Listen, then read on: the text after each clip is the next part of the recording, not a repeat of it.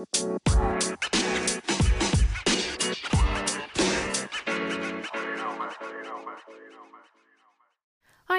mijn naam is Janneke en welkom bij mijn Positief met Pubers podcast. De podcast waarin ik elke week vragen van ouders beantwoord over het opvoeden van pubers. Iets wat ik geweldig vind en waar ik gewoon heel blij van word. Ik denk graag met je mee, geef je concrete suggesties die je direct kan toepassen in jouw situatie.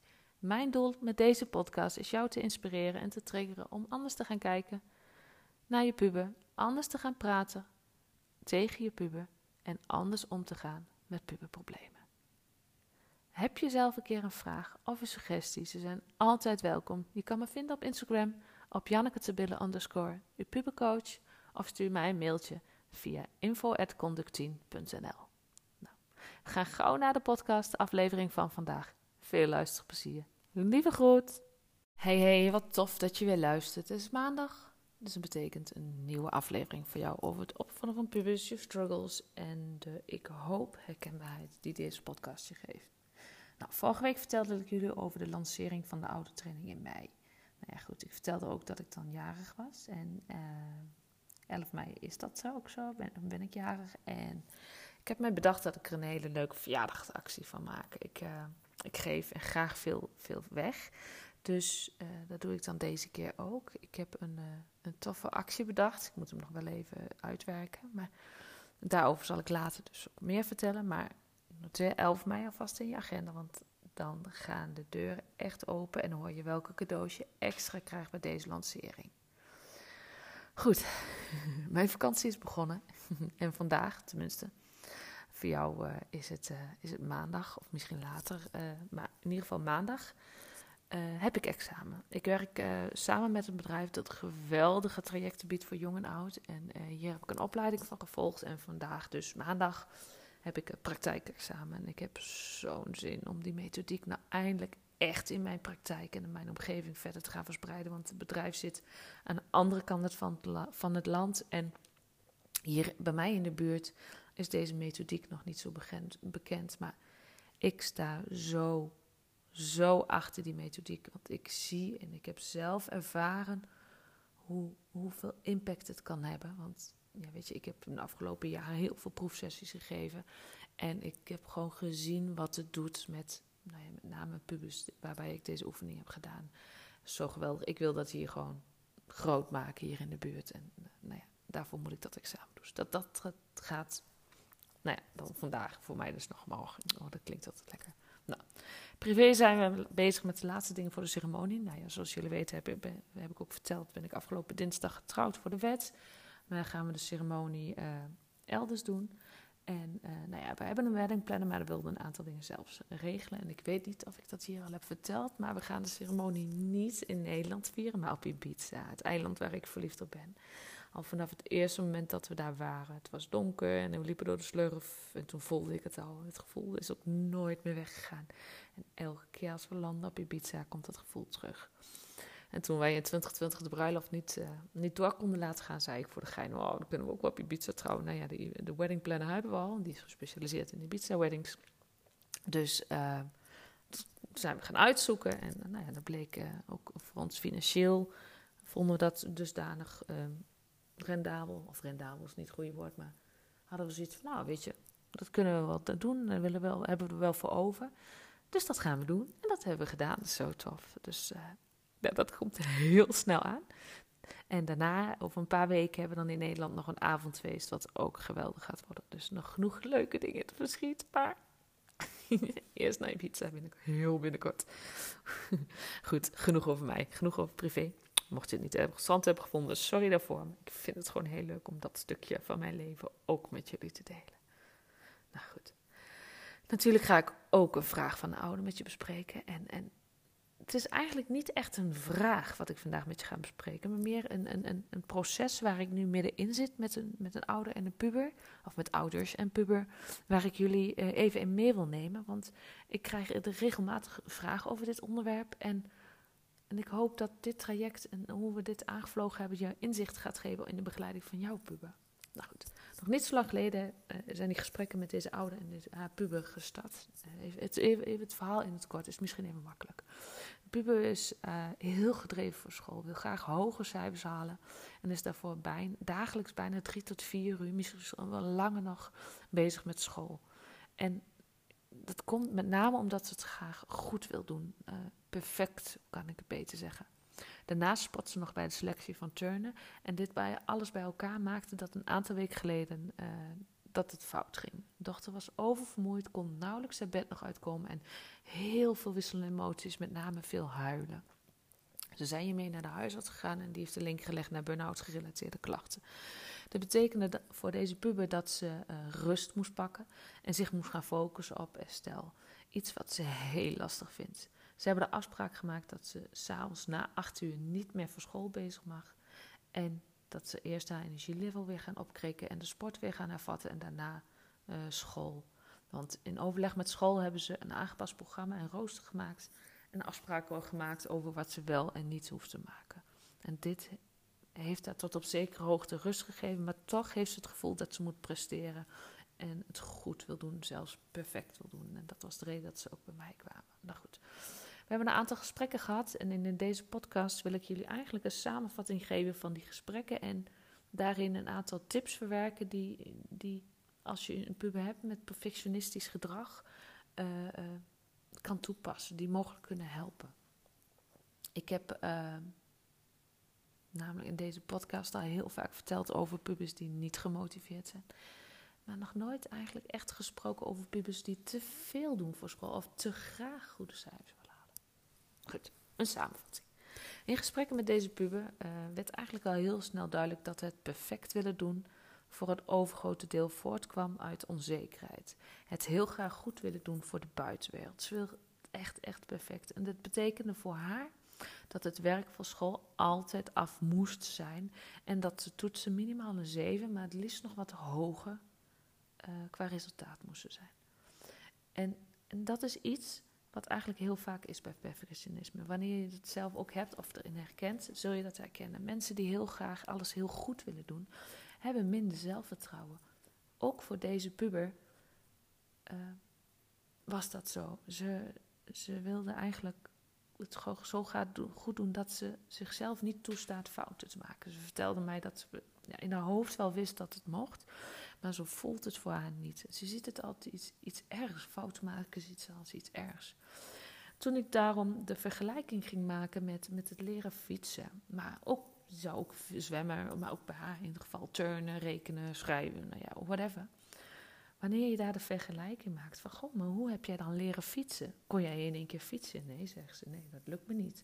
Ik zeg, oké, maar hoe ging dat dan? Ja, ik viel. Ik zeg, en toen? Ja, stond ik weer op.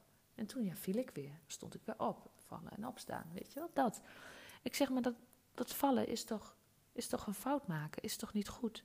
Nee, ja, nee toen, toen, dat zag ze toch anders. En dat gaf haar direct ook het inzicht dat, de, dat hetgeen wat ze bij zichzelf oplegt niet reëel is. En daar had ik de eerste kleine opening. We hebben toen samen gekeken wat nodig was om het eerste kleine mini-mini stapje uh, was die ze zou kunnen gaan zetten om, om uiteindelijk te kunnen geloven dat ze weer volledig naar school kon gaan en accepteren dat niet alles perfect hoeft te zijn. Natuurlijk is dat heel ver weg en dat kon ze ook nog niet geloven. Maar dat eerste kleine mini-mini stapje, uh, die kon ze wel voor zichzelf bedenken. Ik laat even achtergeven wat dat was, want dat is natuurlijk voor iedere puber anders. Die kon ze wel voelen en die kon ze ook direct uh, shiften. Wat maakte dat het, direct ook weer effect had op het vervolg en dus ook direct een succeservaring was. En daarna stapje voor stapje verder werken. En in dit proces zitten we ook nu nog in. Nou, daarnaast hebben we ook voorbeelden van haar erbij gezocht. Mensen waar zij uh, tegenop kijkt of tegenop keek. En die voor haar zeg maar als een soort rolmodel zijn.